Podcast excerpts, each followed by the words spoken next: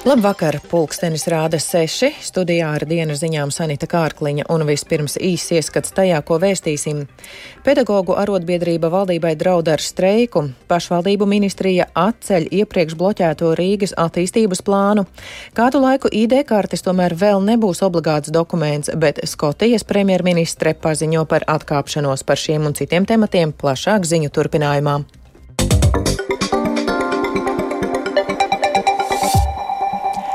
Latvijas izglītības un zinātnes darbinieku arotbiedrība nolēmusi dot valdībai laiku līdz marta vidum, lai izglītības un zinātnes ministrija pildītu streika prasību izpildi. Pretējā gadījumā 24. aprīlī sāksies pedagoģu streiks. Izglītības ministre Anda Čakša no jaunās vienotības Latvijas radio norādīja, ka streika organizēšana ir arotbiedrības jautājums, taču algu palielināšana skolotājiem ir kopēja ar skolu tīkla reorganizāciju spiediens par skolu tīklu sakārtošanu nav uz arotbiedrību. Ir skaidrs, ka arotbiedrības uzdevums ir runāt par atalgojumu. Jau no šī gada 1. janvāra skolotāju algām ir iedoti 100 miljoni, kas vienlaikus nav motivējis man jāsaka pašvaldības eh, kaut ko savā pusē vairāk darīt. Un šobrīd strādājot ar pašvaldību savienību darba grupā pie kritērijiem, kas jau ir skaidri redzami no OECD puses, kas nodrošina efektīvu skolas esamību, kā ātrāk virzīt virzīties tieši pašvaldību pusē, no izglītības ministrijas puses ar uh, atbalstu un uh, sapratni, kas būtu vajadzīgs papildus vēl. Nu, mums tur jārunā par mobilitāti, gan bērniem, gan skolotājiem, fondu atbalstu, teiksim, jaunu klašu iekārtošanai par digitāliem rīkiem un citām lietām.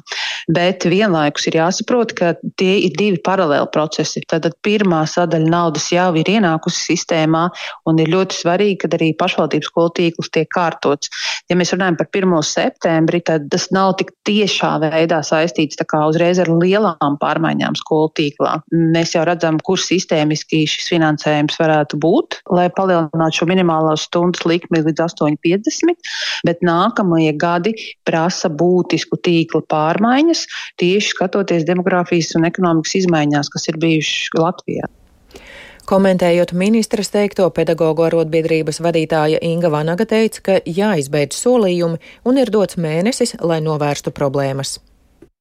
Mēneša laikā precīzi grozījumi normatīvos aktos, lai valdības un pašvaldību pārstāvi turpina strādāt pie skolu tīkla optimizācijas. Daļu nauda iespējams tur ir atrast, mēs neiebilstam, visu tur neatradīs, tas ir to praksi ir pierādījusi.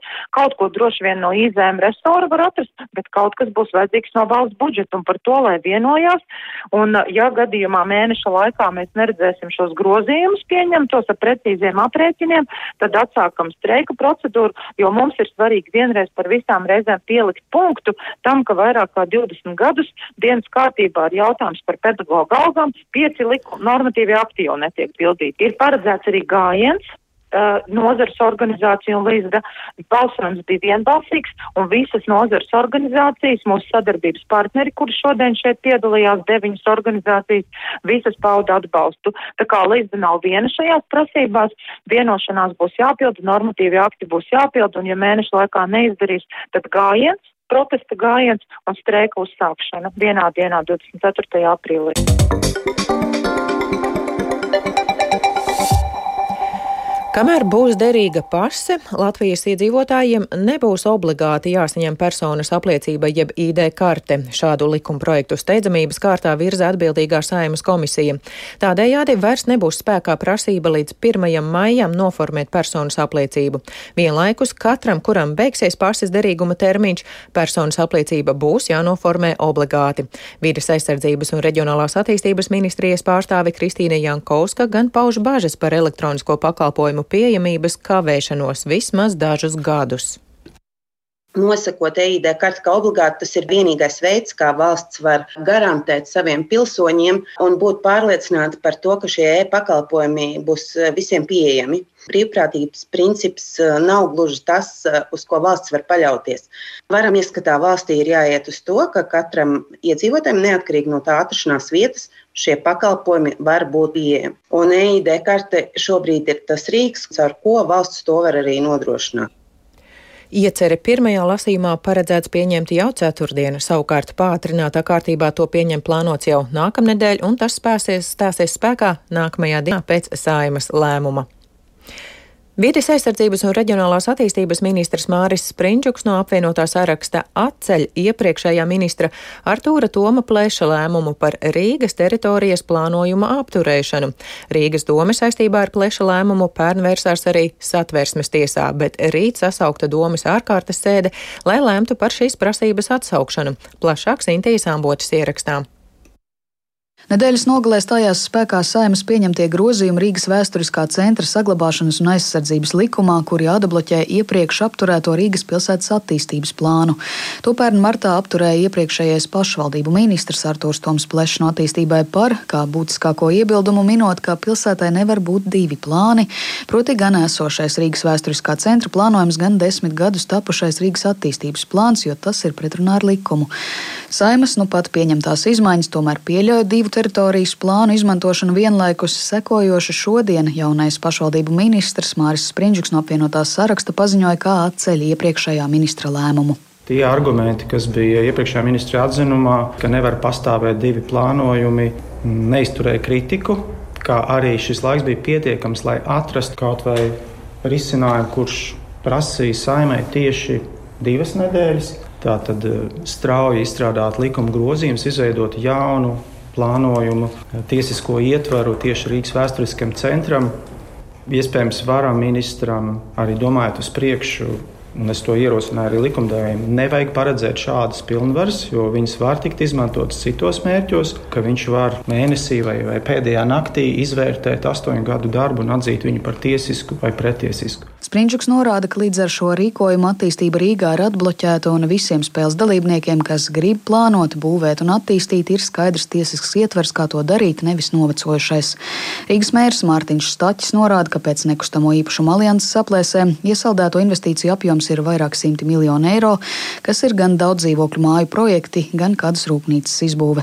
Rīgas domas vadība gan jaunā teritorijas plānojuma bremzēšanu pamatā saistīja ar pleša nevēlēšanos ierobežot azartspēļu zāli zāles, kas arī bija paredzēts jaunajā Rīgas plānojumā. Stāķis preses konferencē sacīja, ka tagad situācija ir skaidra. Ja plānojums neparedz izsniegt azartspēļu zāles licenci, tad tā netiks izsniegta. Šobrīd mums ir pilnīgi legāls pamats balsot teikt, arī pēc savas sirdsapziņas. Tātad, ja plāns neparedz, mēs arī jaunas vairs neizsniedzam.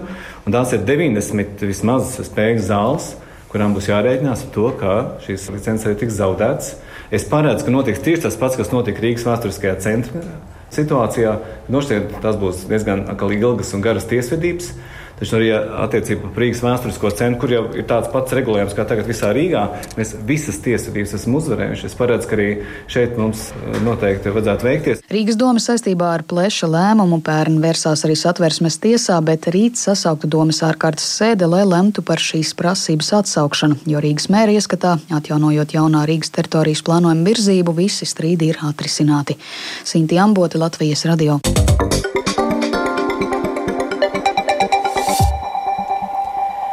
Par atkāpšanos no amata ir paziņojusi Skotijas pirmā ministre Nikola Stērģena. Viņa ir pirmā sieviete šajā amatā un visilgāk strādājusi Skotijas valdības vadītāja.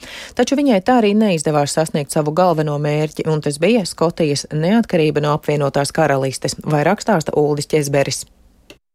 Daudziem par pārsteigumu Skotijas valdības vadītāja Nikola Stērģena šodien paziņoja par savu nodomu demisionēt, lai gan vēl pirms neilga laika viņa noliedza iespēju atstāt amatu.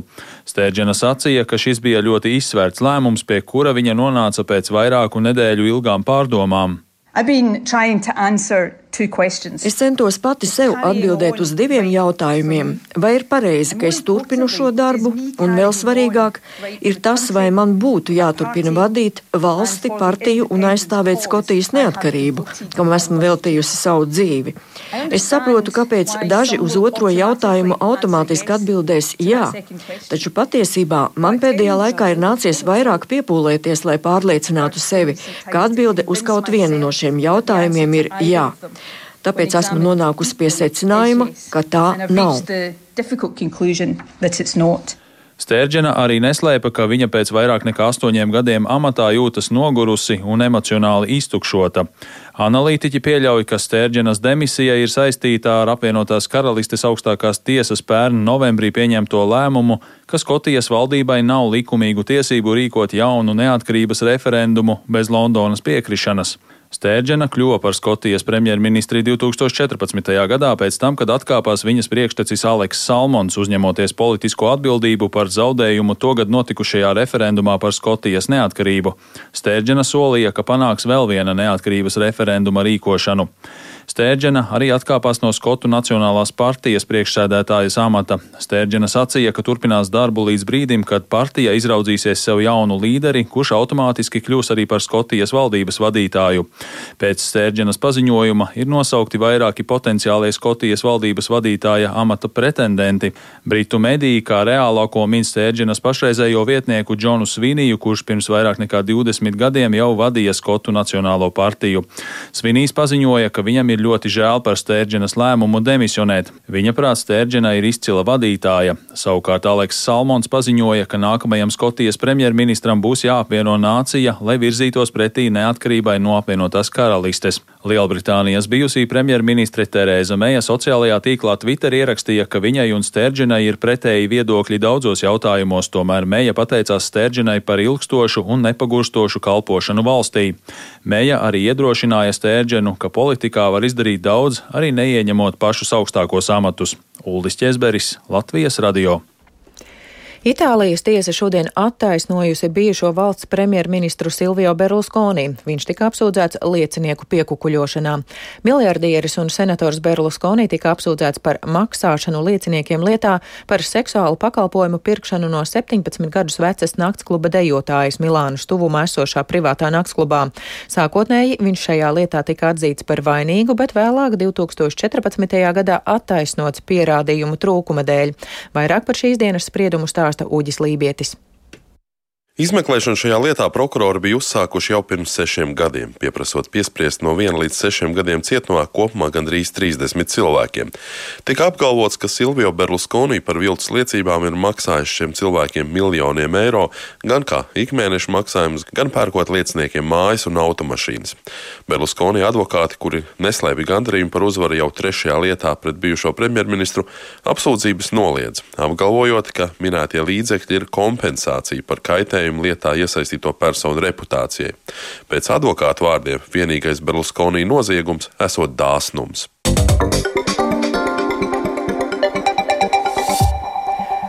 Latvijas radio šodien apmeklēja Saimas cilvēktiesību un sabiedrisko lietu komisijas dalībnieki, lai turpinot diskutēt par nākamgad paredzēto Latvijas radio un Latvijas televīzijas apvienošanu, iepazītos ar radio infrastruktūras nepilnībām un kritisko telpu stāvokli. Viņi pārunāja finansējuma problēmas, kā arī ievērojamās atalgojuma atšķirības par vienu un to pašu darbu abos sabiedriskajos medijos, turpina komisijas vadītāja Ieva Brante. Šodien mums bija skaista prezentācija Latvijas um, rādio, un um, vienā no slaidiem bija arī komentārs, kuru es arī uzdevu jautājumu par to, kā tas ir vēsturiski izveidojies, ka Latvijas rādio budžetā ir viena trešā daļa, un Latvijas televīzijai budžetā ir divas trešdaļas. Tāpēc es tiešām dziļi saprotu jūsu satraukumu un bažas. Tāpēc es uzsvēršu, ka komisija ir atvērta, komisija strādā un komisija ir vērsta uz to, lai apvienošanās būtu kvalitatīva.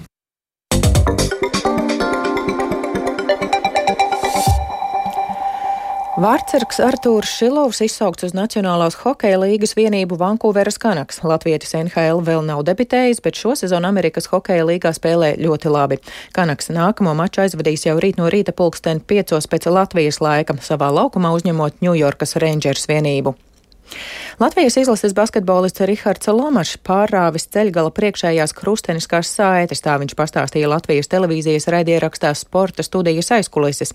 Iepriekš oficiāli bija zināms vien, ka Lomaša guvis nopietnu kājas traumu, bet detaļas neatklāja ne Vācijas klubs no Oldenburgas, ne spēlētāja aģents Artūrs Kalnītis. Paredzams, ka basketbolists nevarēs pilnvērtīgi trenēties vismaz pusgadu, kas liekas viņam palīdzēt arī Latvijas izlasēji pasaules kausa fināla turnīrā, stāsta Rihards Lomašs. Priekšējā sāļu krustiņš kaut kāds līsums ir, un nu, tas prasa no septiņiem līdz desmit mēnešiem. Gan jau tas bija spēles laikā, es, nu, ikdienišķa situācija, kur es nezinu, iespējams, miljonus reizes izpildījis to kustību. Un šoreiz vienkārši man spēlēja aizsardzībā, un man kaut kā mazliet cels pagriezās. Bija tāds krikšs, ko es dzirdēju, un, un visu. Bet, uh, diezgan dīvaini, jo principā es aizgāju uz soliņu pats saviem spēkiem. Mēģināju iesildīties no jauna mīnos, jau ar riteni skrēju, tur sprintu lēkāju, domāju, atgriezīšos laukumā, te pašā spēlē jau. Nu, es jutos tā, ka nu, viss bija kārtībā, es varēju to izdarīt. Ar to izskan dienas ziņas sešos vakarā. Producents Viktors Pupiks ierakstus montēja Kaspars Groskops pie skaņa pulca Rita Karneča, bet studijā Sanita Kārkliņa un vēlreiz īsumā par dienas svarīgāko. Pedagoģu arotbiedrība valdībai draud ar streiku, pašvaldību ministrija atceļ iepriekš bloķēto Rīgas attīstības plānu. Kādu laiku ID kartes tomēr nebūs obligāts dokuments, bet Skotijas premjerministre paziņo par atkāpšanos. Šobrīd Rīgā plus 1 grāds lēns dienvidu vēju gaisa mitrums 89%, atmosfēras spiediens 771 mm. Diena gan galvaspilsētā, gan Latvijā bija apmākusies, bet kāds laiks būs turpmāk, stāsta Toms Bricis.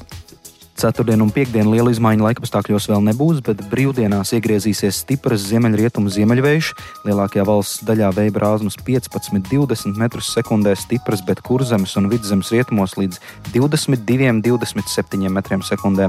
Un šāds vējš nesīs nelielus postījumus, iespējami pārāvumu elektrolīnijās. Būs arī daudz nokrišņu, sestdien lietus un slapdraņķis, kas vakarā pāries putenī. Tas turpināsies arī svētdien. Gaisa temperatūra līdz sestdienai lielākoties plus 1, plus 7 grādi, austrumos ap nulli, bet sestdienas vakarā sāksies temperatūras pazemināšanās un svētdien valdīs neliels sals. Tāpat visu Latviju svētdien klāsts sniega saga.